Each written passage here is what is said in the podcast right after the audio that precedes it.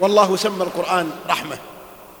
يقول الله عز وجل يا أيها الناس قد جاءتكم موعظة من ربكم وشفاء لما في الصدور وهدى ورحمة للمؤمنين. قد جاءتكم موعظة من ربكم هذا القرآن وشفاء لما في الصدور. إيش اللي في الصدور؟ ها؟ القلوب. القلوب. إن الله يقول فإنها لا تعمل الأبصار ولكن تعمل القلوب التي فين؟ في الصدور. إيش القلب؟ هذا اللي يضخ الدم ذا لا. هذا القلب المادي لكن القلب المعنوي القلب الذي يفقه عن الله. شفاء إيش اللي يشفي قلبك؟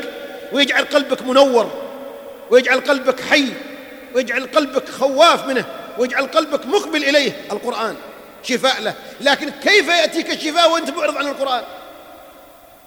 الأمة الآن مريضة لأنها ما القرآن في حياتها.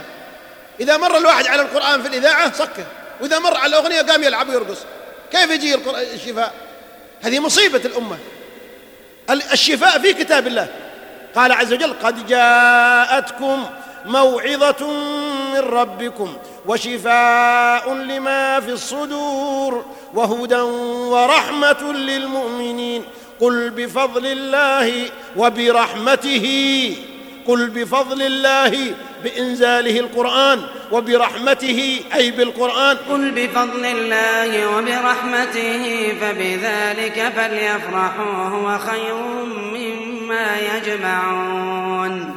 إن كان عندك هذه الرحمة إن كان عندك هذا الفضل عندك هذا القرآن فلتفرح. وإن كان البعيد محروم من هذا الفضل ومحروم من هذا القرآن فلا يفرح والله لأنه ضيع الشيء الذي بسببه الفرحة هو خير مما يجمعون.